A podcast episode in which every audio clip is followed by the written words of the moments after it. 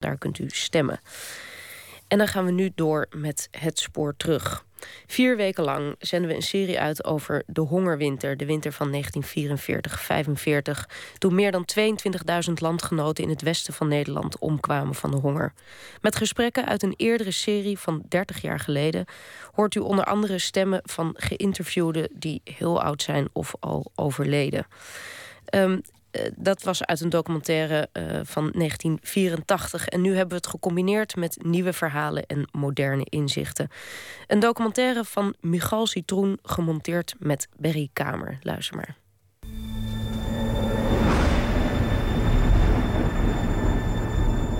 Vandaag, precies 70 jaar geleden, op donderdag 4 januari 1945, is het overdag net boven nul en s'nachts vriest het een graad of vier. Het laatste oorlogsjaar is net begonnen en het is een van de zwaarste winters in de geschiedenis. Weken aaneengesloten zware vorst en heftige sneeuwstormen. En kou is verre van het grootste probleem. Hongersnood, zoals de hongerwinter bracht, is een van de grote calamiteiten geweest in onze geschiedenis. En na vier jaar bezetting door de Duitsers is voor het westen van ons land het leed in 1944 nog niet bijna geleden en voorbij. En je was eigenlijk al ondervoed door al die uh, jaren heen. En toen uh, vielen wij om de havenklap flauw op straat, in huis. Maar dan stond je weer op en dan ging je verder. De ellende is zelfs verre van afgelopen. Mijn broertje die kon naar school wel eens eten. Mijn vader kon ook nog wel eens ergens eten. Maar mijn moeder en ik konden nergens eten, want er was geen stroom meer. Dus het werk was afgelopen in september. Want in ons land voltrekt zich dan de grootste ramp sinds de middeleeuwen. Dat vindt de in 2005 overleden nationale oorlogsdeskundige Lou de Jong wanneer we het 30 jaar geleden met hem bespreken voor de allereerste spooruitzending. Er zijn eh, volgens mijn schattingen, de precieze cijfers zijn niet bekend, er meer dan 22.000 mensen geweest in het westen van het land die toen van de honger zijn omgekomen. En het verhaal van de hongerwinter van 1944 begint al in de herfst. Thans spreekt tot u de minister-president, professor meester P.S. Gerbrandi. Landgenoten, nu de geallieerde legers in hun onweerstaanbare opmars de Nederlandse grens overschreden hebben, wil ik uit naam van u allen, onze bondgenoten, een hartelijk welkom toeroepen op onze vaderlandse bodem. Zij hebben met hun Russische kameraden recht op de onvergankelijke dankbaarheid van ons volk. Het uur der bevrijding heeft geslagen.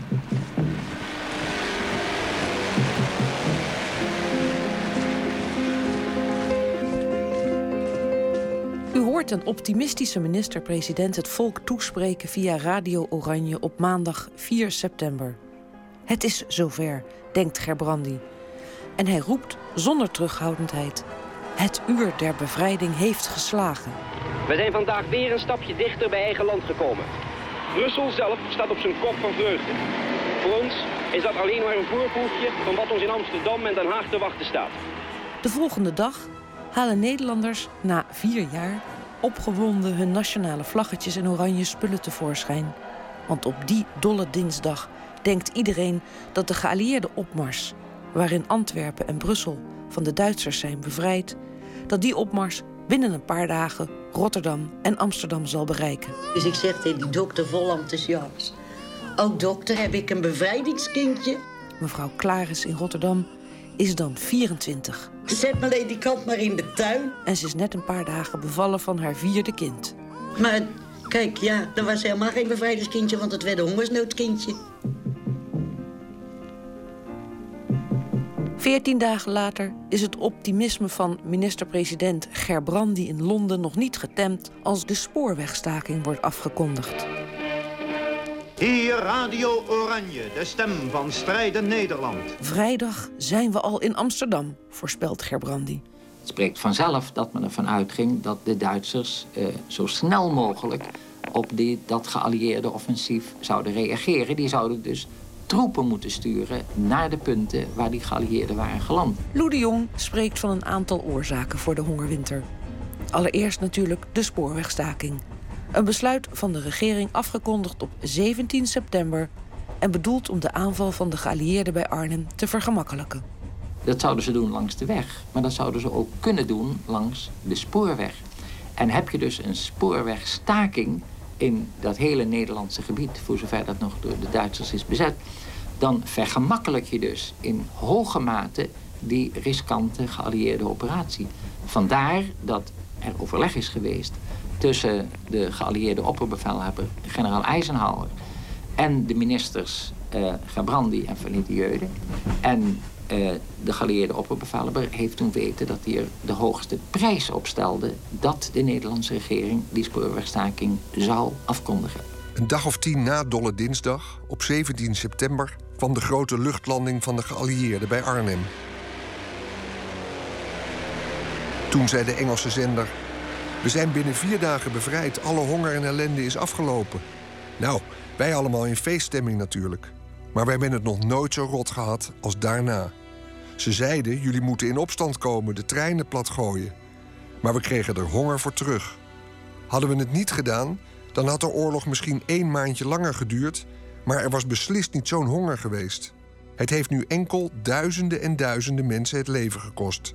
Als het nou nog zin had gehad, die spoorwegstaking. Maar wat konden wij hier nou nog doen?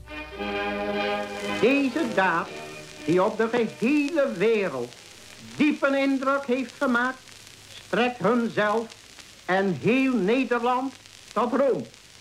In weerwil van alle rampen ermee verbonden. Die herhaalde oproep van uh, Radio Oranje op de avond van 17 september van de spoorwegstaking, van de regering dus. Gabrandi vond dat een belangrijke daad, dat was het ook, moedige daad bovendien. Uh, die stelde er prijs op om zelf bij die uitzending aanwezig te zijn. Dat wil zeggen, hij heeft niet gesproken, maar hij was in die studio aanwezig. Uh, Den Dolaert en ik, die kenden hem heel goed. We hebben talloze besprekingen met hem gevoerd. Uh, na afloop van die uitzending had ik de behoefte om even een enkel woord met Gebrandi te wisselen. Ik zei dus, excellentie, ik vind dat u een buitengewoon moedig besluit genomen hebt. Iets dergelijks zei ik. Waarop hij van zijn kant zei, ja, de jong, waarom vind je dat zo moedig? Ik zei, nou ja, loopt alles prima met die operaties. Dan is Nederland beneden die rivieren spoedig bevrijd. En dan is natuurlijk een schitterend ding dat die spoorwegstaking daar een bijdrage toe heeft geleverd. Maar als die operaties nou eens mislukken... Uh, dan zitten we met het feit dat uh, er geen enkele spoorweg... dat we zeggen ook geen enkele goederentrein meer rijdt... in uh, het grootste deel van Nederland. En dat zal toch voor de voedselvoorziening de grootste moeilijkheden geven. waarop hij antwoordde, ik herinner me dat nagenoeg woordelijk... De jong, maak je geen zorgen. Vrijdag zijn we in Amsterdam. Nou, dat heeft in plaats van vijf dagen nog acht maanden op zich laten wachten. Op 6 oktober 1944 is de euforie volledig op. In Londen geeft de regeringsleider een persconferentie om de hele wereld erop attent te maken dat de hongersnood dreigt in de grote steden van Noordwest-Nederland. Ik geloof dat die hongerwinter begonnen is in september met de spoorwegstaking. Want toen kwam er geen aanvoer van aardappelen. Toen kreeg je al dat de mensen naar de boeren gingen om voedsel. Ja, je kreeg wel bonnen voor aardappelen, maar ze waren er niet. Dus toen is het eigenlijk begonnen. Nog niet in die mate als later in december en verder tot mei. Maar er waren al gelijk geen aardappelen meer. En ja, wij als Nederlanders aten veel aardappelen. Die treinen die waren natuurlijk nodig in die tijd onder meer om uit de overschotgebieden die we hadden, hoofdzakelijk in het oosten en het noorden van het land, waar veel voedsel geproduceerd werd, voedsel over te brengen naar de grote steden in het westen. Daar in het westen had men in de zomer van 44 maar heel kleine reserves kunnen opbouwen. De oorzaak van alle ellende was natuurlijk dat er geen vervoer meer was. De spoorwegen lagen plat en al het andere vervoer werd beschoten. Want in Friesland en zo was er eten voldoende. Dat heb ik zelf gezien. Maar ja, het kon niet anders, zeiden ze. De oorlog moest gewonnen worden. Alles wat eigenlijk tegen die Duitsers werd gedaan, dat vond je prachtig. Wat daarna gebeurde, nou ja, daar heb je niet bij stilgestaan. Want je hebt niet gedacht bij je eigen van... Jee, nou, komt die, nou is die spoorwegstaking en nou krijgen we niks meer. Je hebt niet gedacht van, uh, dat komt door die spoorwegstaking. Want daar is het ook niet doorgekomen. Ze hebben je gewoon gestraft. Zonder treinen is er geen vervoer mogelijk van de landbouwproducten die van het oosten naar het westen moeten. Je kunt zeggen, uh, er waren toch binnenschepen. Met die binnenschepen kon het nodige aan aardappelen bijvoorbeeld en aan graan naar steden als Amsterdam, Den Haag, Rotterdam en de andere steden die er lagen worden overgebracht. Dan zijn er twee factoren geweest die dat onmogelijk gemaakt of later bemoeilijkt hebben. De eerste factor was, en dat is een Duits besluit geweest... waarvoor de Duitse bezetter dus uh, aansprakelijk mag worden gesteld... dat Seyss-Inquart, de rijkscommissaar, de man die het dus namens Hitler in ons land voor het zeggen had... eind september bepaalde dat als straf voor die spoorwegstaking... zes weken lang geen enkel voedseltransport naar het westen van het land mocht plaatsvinden. Dat uh, voedselembargo dat ging eind september in. Dat heeft dus geduurd tot begin november. Je zou dus kunnen zeggen, begin november kan men gebruik gaan maken van die binnenschepen. Maar dan doet zich een nieuwe ontwikkeling voor. Er worden door de Weermacht op zo'n enorme schaal binnenschepen in beslag genomen... die ze dus nodig hebben voor hun eigen militaire vervoer... dat de meeste schippers met hun schip, dat schip dat is tegelijk hun bedrijfskapitaal... die duiken onder.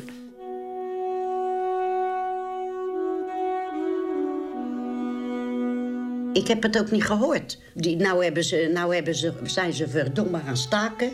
En nou zitten wij in de boot, want nou hebben wij geen eten. Ik geloof dat het bij geen een van de mensen doorgedrongen is. Dat het eigenlijk daar doorgekomen is. Later, als alles weg is en je kijkt daarop terug... Kijk, en dan merk je wel dat het eigenlijk door die spoorwegstaking het grootste gedeelte gekomen is. Maar die momenten en ook heel die, eigenlijk die hele hongersnood, nee, nee.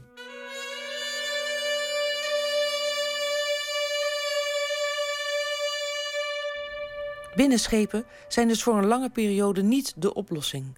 En de Nederlandse autoriteiten, die verantwoordelijk zijn voor de voedselvoorziening, doen er alles aan om de Duitsers over te halen dat te veranderen. Omdat er een ramp dreigt zonder die schepen. Het zou onderzijds getuigen van kwalijk begrip voor uw moeilijkheden, indien wij het hier niet onomwonden uitspraken. Er dreigt, zeer zeker in de grote steden, hongersnood indien de bevrijding nog een ruime tijd op zich zou laten wachten.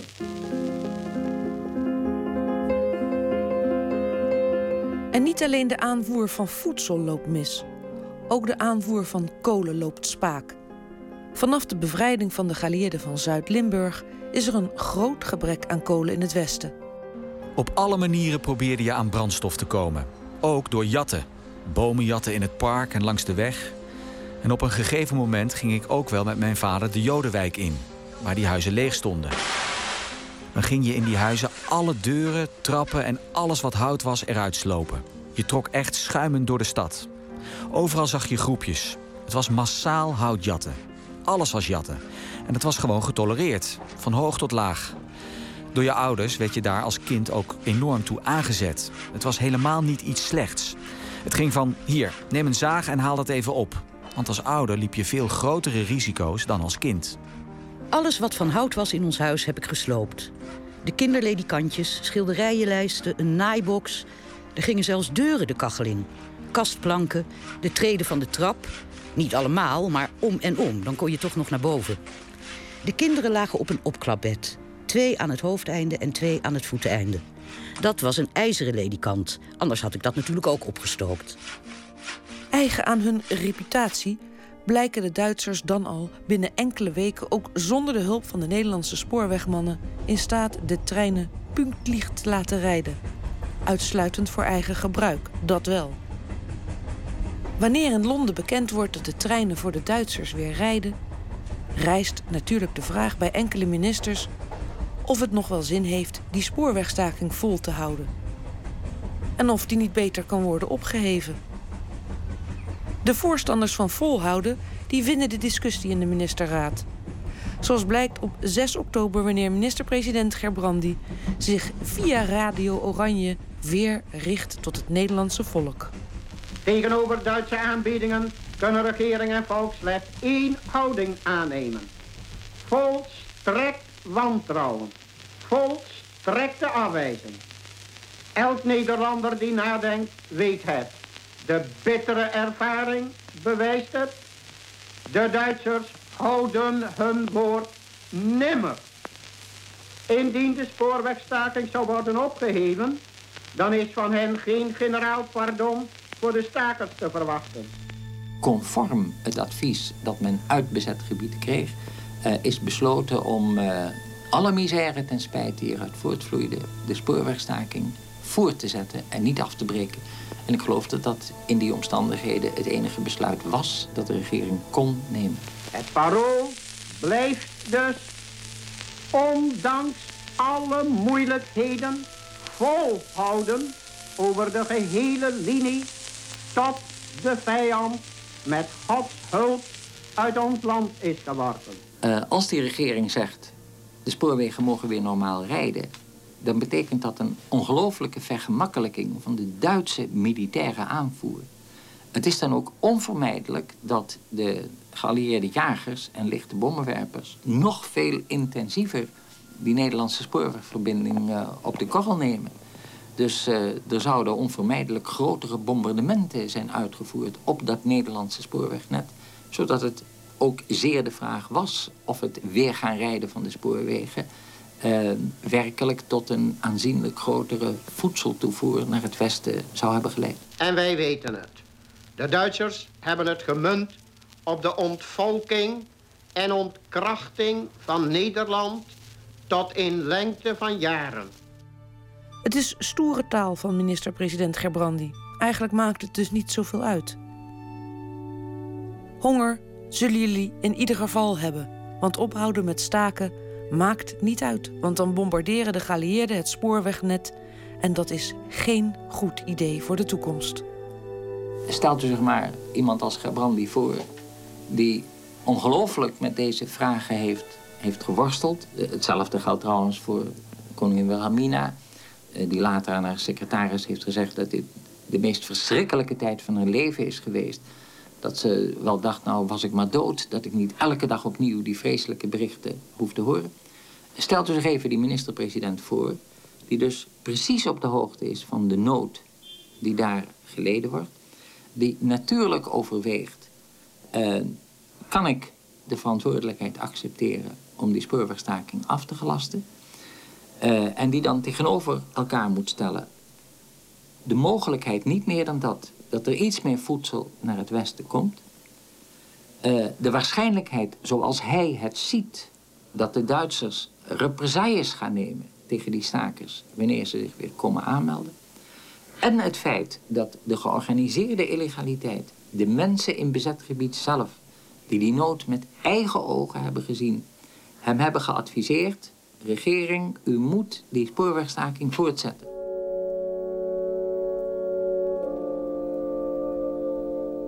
...7 september. Telegraafverkeer stopgezet. Verbod op het bereiden van bier en het bakken van banket. 12 september. Tram rijdt nog maar een paar uur in Amsterdam. 14 september. Vorderingen van fietsen in Amsterdam. 18 september. Bioscopen en theaters in Amsterdam gesloten. 21 september. Duitsers beginnen met het vernielen van de havens van Amsterdam en Rotterdam. 22 september. Razzia op mannen tussen de 18 en 40 jaar in Hengelo. 27 september. Razzia op mannen in Doetinchem. 30 september. Razzia op mannen in Apeldoorn. 30 september. Terechtstelling 8 illegale.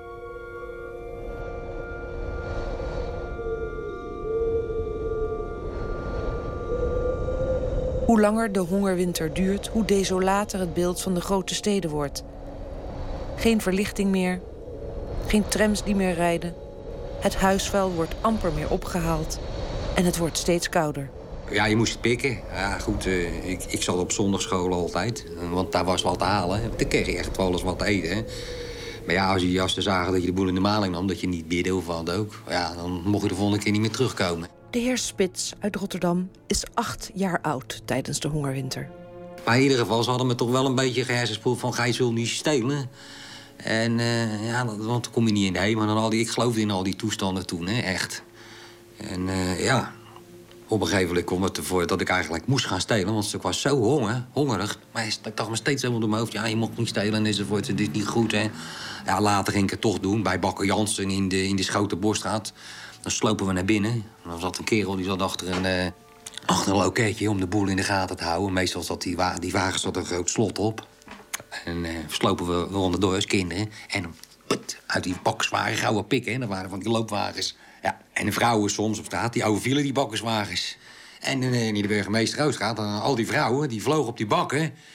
Ja, en ja, voor het eten. Die sloegen die bakkers in elkaar. En, die, en, en dat wagentje werd kapot geslagen. Zo'n broodwagentje, zo pakweg eh, twee meter bij een meter breed. En daar zat ze brood in. En dan had hij nog een speciale bak. Daar gingen koekjes in. En die, die had op slot. Stadsbewoners denken nog maar aan twee dingen: eten en brandstof. Daar stropen ze de straten voor af. En daar zijn ze de hele dag mee bezig. Dikwijls al zo ondervoed dat het normaal wordt om mensen op straat in elkaar te zien zakken. We gingen rustig bij een, uh, bij een fabriekje staan, dat dan nog draaide. En de secretaresse bleven ze heel lang aankijken als ze een boterham op, op had. Bleven gewoon zo kijken. Alsmaar aankijken, alsmaar aankijken. En de mensen dat moesten smiddags de boterham opeten... die wisten plaats niet meer waar zij moest kijken. Wij bleven ze maar aankijken zo. En uiteindelijk, ja, dan stond ze op... en dan deelde dat arme mens nog de boterhammen. Misschien stierf ze zelf van de En dat deden we vaak. En dat noemen we dan ons klantje. Ja, eerlijk waar. Dat is, dat is mijn klantje, daar moet je vanaf blijven, want dan ga ik heen en daar heb jij niks mee te maken. Maar dan ging ik schoon hand kijken. Zo. En elke middag kwam ik dan, ging ik daar staan, in de hoop, toch wel krijgen. Maar, uh, dus later zei ze ook, ja, jongetje, het spijt me, maar ik heb ook niets meer, echt niet. Ik bedoel, ik heb zelf ook zo'n honger. Hè, en dan moest ze nog werken ook, dus zat ze te schrijven of, of typen of wat ook. Maar op de deur was er dus niks meer te halen. Je moest wel allemaal verder uh, weggaan. Schurft. Verschrikkelijk. Mijn zusje kreeg het en toen kreeg ik een plekje op mijn arm. Toen moest heel het huisgezin naar de GGD toe. Daar werden we allemaal ingesmeerd met een of ander goedje. Het was net gele vla. En stinken dat spul? Want ik weet nog dat we toen met het overvaartbootje teruggingen naar huis en dat de mensen dan zeiden: Wat stinkt het hier? Ja, ik schaamde me dood. Ik had het niet zo erg. Maar mijn zusje, verschrikkelijk. En die krabde zich helemaal kapot, want ze stierf van de jeuk. Ja, we zijn met het hele huisgezin twee keer naar de GGD gemoeten om ons in te laten smeren. Toen was het een beetje over. En later heb ik van die grote zweren op mijn benen gekregen. Dat ging ook maar niet over. Na, nadat ik uitgewerkt was, dat de stroom weg was gevallen, toen was er niets meer. Toen was er niets meer. In september was het allemaal over. Niets, want toen waren we veel te gammel. Dan bleven we maar in bed liggen met ons winterjas aan. Ja, je stond wel eens op. Je ging wel eens even keuken eten halen. Dat zeg ik maar. Je viel zo vaak eigenlijk op de grond dat je een beetje bang was daarvan.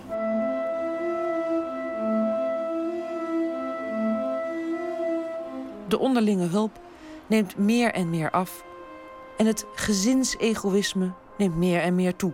Ik ken mensen die, die een ijzeren kist hadden met, met ijzerdraad eromheen.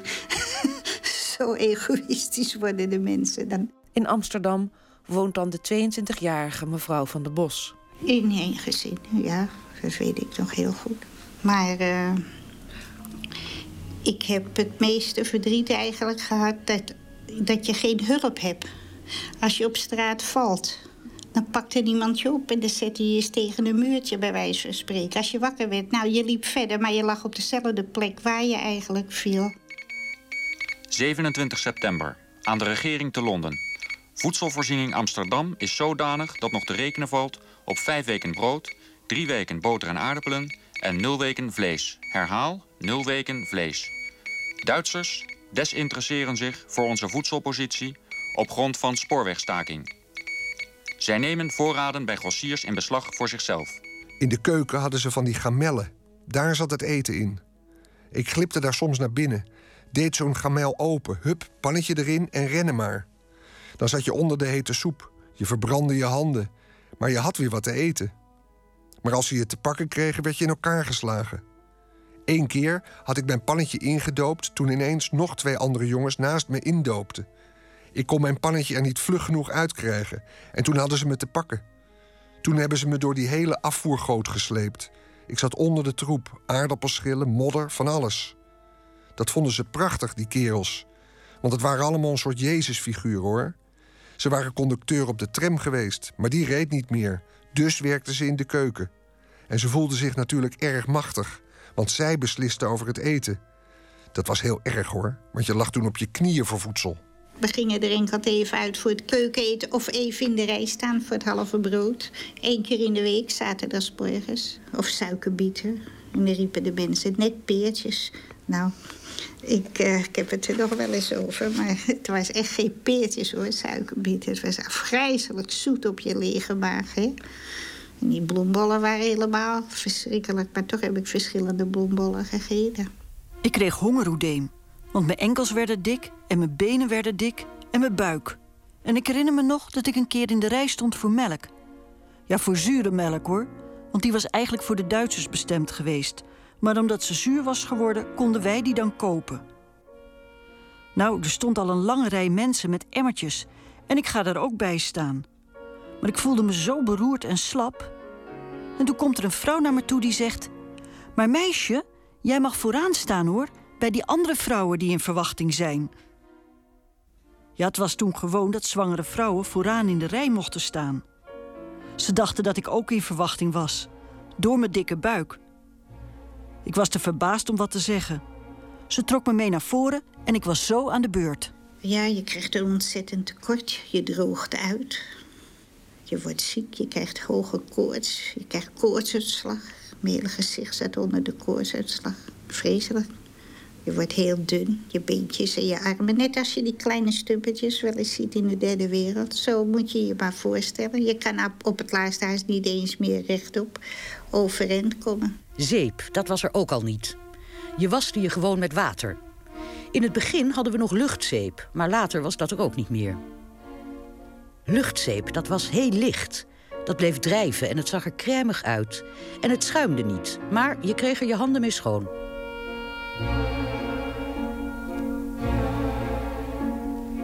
Ik had een hondje, dat heb ik toen bij de gaarkeuken geruild voor een emmer eten.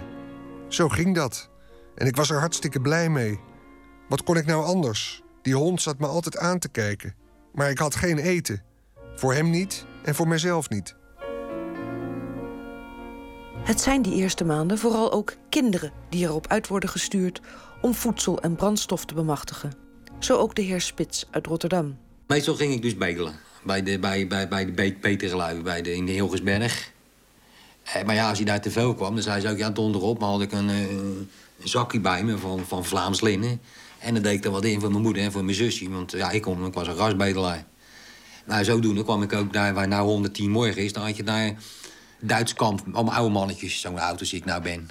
En eh, ik vond dat oude mannetjes natuurlijk. En uh, dan vroeg ik gewoon wat. Hé, hey, hebben ze hier wat zo essen voor mij?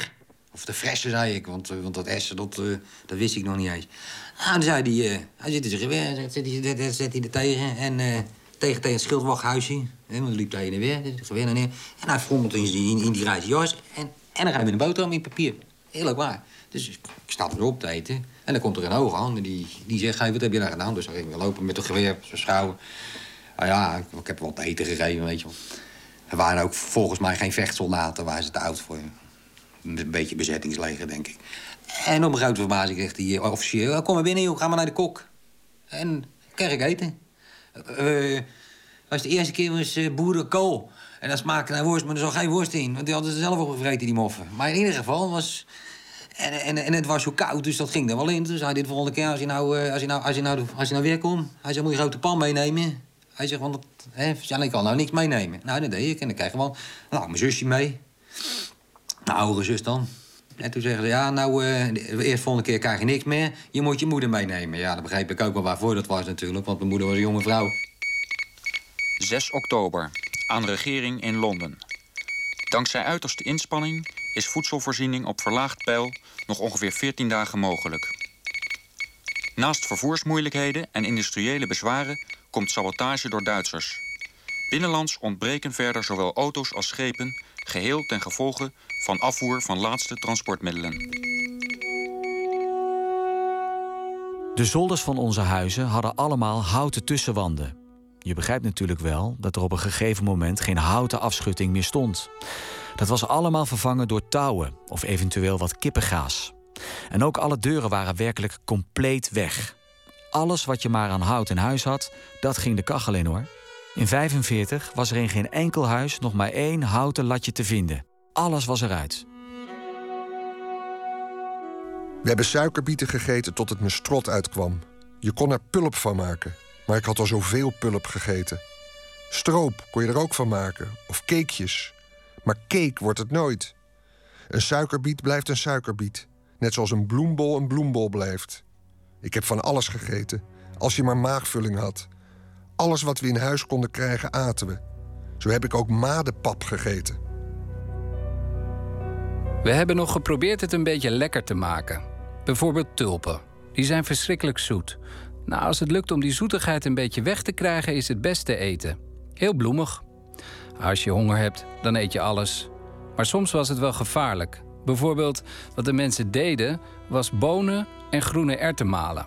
Dat kun je aanmaken en dan lijkt het net op pindakaas. Kon je rauw eten en dat heb ik ook gedaan. Maar als je dat een paar keer in de week deed, kreeg je enorme pijn in de borst. Wat bleek nou? Rauwe groene erwten zijn giftig. Net als aardappelen, die zijn rauw ook giftig. Er stonden ook stukken over in de krant van mensen die er ernstig ziek van werden. Je had een rantsoen. Ja, hoeveel dat was precies, dat weet ik niet meer. Ik geloof uh, een heel, heel per week, zoiets. Dat was van een regeringsbrood. Nou, als je met een heel brood en je had voor de rest niks... Uh, aardappelschillen uh, eten en, en bloembollen die niet tevreden waren... of suikerbieten. Ja, dat was het enige. Dus je moest eigenlijk wel gaan pikken. Dus bij de bakkerij ging pikken... En maar bij gewone mensen, nee, dat doe ik niet. Ik bedoel, daar had ik eigenlijk geen, uh, geen, ja, geen opvoeding voor gehad. En ik ging op zondagschool, zoals ik al zei, van... gij zult niet stelen en uh, al die toestanden. Gij zo, wat u niet wil geschieden, doet ook een ander niet. En uh, ja, helaas, nu zou ik het dus wel doen, pikken. Kijk, ik ben nu een grote vent. En ik zit er nou om te lachen, maar toen beslist niet, hoor. Wel, nee, ik huilde mooi. Soms huilde ik mooi de brand. Ik heb zelf van mijn arm opa... Ze rantsoen brood opgevreten dat die man flauw gevallen is in de gang. Het was zo, als ik dus langs, langs de boer ging... en ik had dan dus een, een, een, een zakje eh, van, Vlaams linnen... en daar deed ik dan boot in om wat mee naar huis te nemen. Maar eh, ja, mijn goede belo beloftes die ik dan in mijn hoofd had... om mijn moeder en mijn zus dan eten te geven.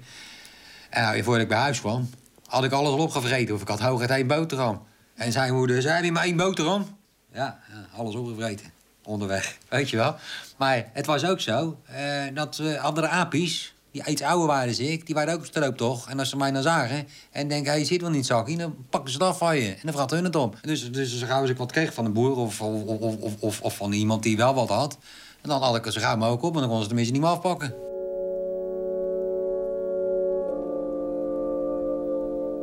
Oktober. Volgens onderzoek van de vrouwenarts Holmer wordt er in de grote steden sinds september door de meeste vrouwen niet meer gemenstrueerd. De oorzaak is voedselgebrek. Op de zwarte markt kosten aardappelen nu tien keer zoveel als in augustus 44. 1 oktober. In Leiden start de centrale gaarkeuken. 7 oktober. Razzia op mannen in Utrecht, Amersfoort en Kampen. 9 oktober. Elektrische voorziening voor particulieren stopgezet in Amsterdam. Gas alleen nog van 12 tot 1 uur en van 4 tot half 6. Tramverkeer totaal stopgezet. 10 oktober. Heel Noord-Holland zonder stroom wegens kolengebrek in de elektriciteitscentrales. 11 oktober. Den Haag wordt afgesloten van gastoevoer. 17 oktober. Razzia op mannen in Hilversum. Burgemeester Wouten van Amsterdam doet oproep om in Drenthe aardappels te rooien. Mannen die zich melden krijgen extra voedsel en aardappels voor hun gezin. 23 oktober. Begin voedselverstrekking door de centrale keuken in Amsterdam. Er melden zich 437.000 Amsterdammers aan. 25 oktober. Gaslevering in Amsterdam totaal stilgelegd. 27 oktober. Razzia op mannen in Leeuwarden. Zelfde week razzia's in alle grote steden in Twente. Utrecht wordt afgesloten van gastoevoer. In verschillende steden moeten de inwoners per gezin voor 72,50 gulden aan dekens en kleren inleveren voor de Duitse Weermacht. Voor één deken werd 35 gulden betaald. Voor een winterjas 50 gulden. 29 oktober. Zoutrantsoen vervalt in het hele westen. We zijn bijna aan het slot van deze eerste aflevering van een serie van vier over de hongerwinter van 70 jaar geleden. En we gaan nog één keer terug naar de aanleiding en de oorzaken van de grote voedsel- en brandstoftekorten. De mislukte operatie Market Garden en de daaraan gekoppelde spoorwegstaking. Wanneer de geallieerden hun aanval op Nederland voorbereiden, dan weten ze al dat het een riskante onderneming wordt. Maar opperbevelhebber Eisenhower begrijpt dat hij de grootste kans van slagen heeft als de Duitsers niet snel troepen met de trein kunnen aanvoeren. Vandaar dat er overleg is met Gerbrandi en minister van Oorlog van Lid. En die zijn ook enthousiast en optimistisch over het plan. De kracht van de Duitse weerstand schatten ze helaas allemaal verkeerd in. Ook de spoorwegen, die in Londen aangeven dat zij ook bereid zijn te staken. Vandaar dat er overleg is geweest tussen de geallieerde opperbevelhebber, generaal Eisenhower, en de ministers eh, Gabrandi en Verlitieude. Oorlogsdeskundige Lou de Jong zei in 1984 vol overtuiging te weten dat niet het hele kabinet in Londen de belangrijke beslissing nam over de spoorwegstaking, maar alleen premier Gabrandi en zijn minister van Oorlog van Lid. Omdat niemand wist precies wanneer die aanval nou zou komen. Volgens de baas van de Nederlandse inlichtingendienst, Kees Fok, is dat heel anders gegaan. Heb ik eh, elke weekend de 10e en de 17e, zowel Gebrandi als uh, van Lut de Jeude, gevraagd om bereikbaar te blijven. En uh, daar hebben ze zich geen van beiden aan gehouden. Fok beweert dat zelfs die twee niet bij de beslissing betrokken zijn. Gebrandi schrijft in zijn stukje waarin hij mij dan bestrijdt dat ik dat blijkbaar zodanig vaag had gezegd dat hij dat niet precies wist. En dat hij bovendien die nacht in zijn hotel heeft geslapen. Dat laatste is beslist niet waar. Want ik heb zijn hotel vanaf 12 uur s'nachts een stuk of tien keer opgebeld. Hij was er ook niet, want hij, ik heb hem te pakken gekregen om uh, tegen 12 uur op de zondag. En toen kwam hij net thuis met een meneer en mevrouw, een meneer en mevrouw, een kindje, waar hij gelogeerd had ergens buiten. Dus hij was niet bereikbaar. En uh, ik kwam op zijn kamer en dan was hij dan met die meneer en mevrouw en het kindje. En toen zei hij. Uh, Major, waar kom je me nou weer vervelen? Ja, ik, uh, ik moet u onmiddellijk spreken. En toen hebben we samen op een bank in een Browns Hotel, in die lounge... waar iedereen pink gin zat te drinken... heb ik hem verteld dat de spoorwegstaken moesten worden afgekondigd. Omdat de geallieerden dan die aanval deden. En daar al mee begonnen waren. En dat we eigenlijk al te laat waren, want dat het om één uur in de radio, had, had moeten gaan. Toen was de ene nou, dat moet dan maar. Maar ga even naar Van Lid. Toen ben ik, uh, heb ik oorlog opgebeld, want die Van Lid was ook nergens te vinden. En dan met vreselijk veel moeite heb ik toen te pakken gekregen dat Van Lid, die zat ergens in de country. En toen zei Van Lid, die, ik herinner me nog precies, die zei... Uh, ja, maar weet je dat nou wel zeker? En is dat nou wel zo? En waarom weet ik er nou niks van? En hoe komt dat nou allemaal? En toen ging ineens de deur open. Om drie uur precies. Ik stond niet en kwam binnen een kolonel van de marine waarmee hij woonde, huis had gehuurd.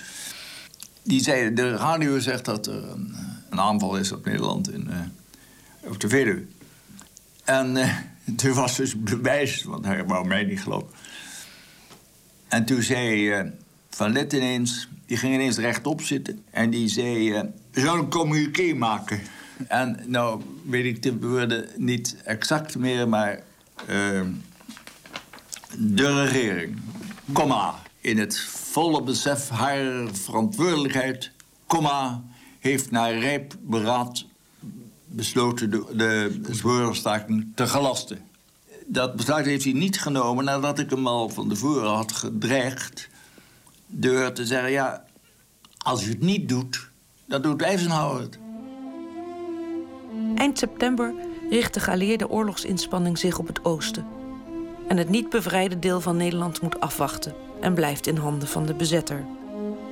De Duitsers hebben gewaarschuwd dat een staking de voedselvoorziening in gevaar zal brengen. En ze maken dat dreigement waar.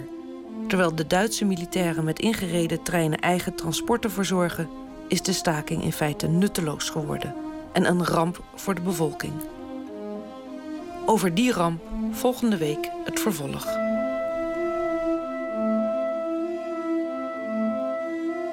Toen ben ik dan ook natuurlijk ook op die hongertochten gegaan.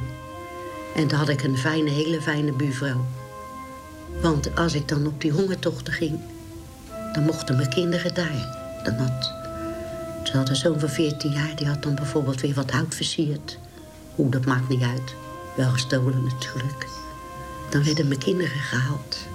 En dan was ze, had ze een dochter van 17 jaar en dan zei ze klaar. Kom maar gauw naar huis, kom maar gauw bij ons, want de kachel is aan.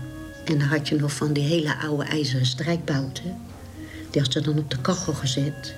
En daar had ze dan een oude doek omgewikkeld. En dan ging dan de baby, die werd daar neergelegd. En die ging dan die ijzer aan de voeteinde van het kind. Dat ze bijvoorbeeld warme voetjes kreeg. Maar die voetjes waren zo door en door en door koud van de vorst. Dat die warmte die kwam en toen kreeg ze onder dat ene bal van de voet een en al blaar. Maar het was geen brandwoord, het was een vorstblaar. Want die warmte, die voetjes waren te koud. En die warmte die had eigenlijk die voetjes te snel verwarmd.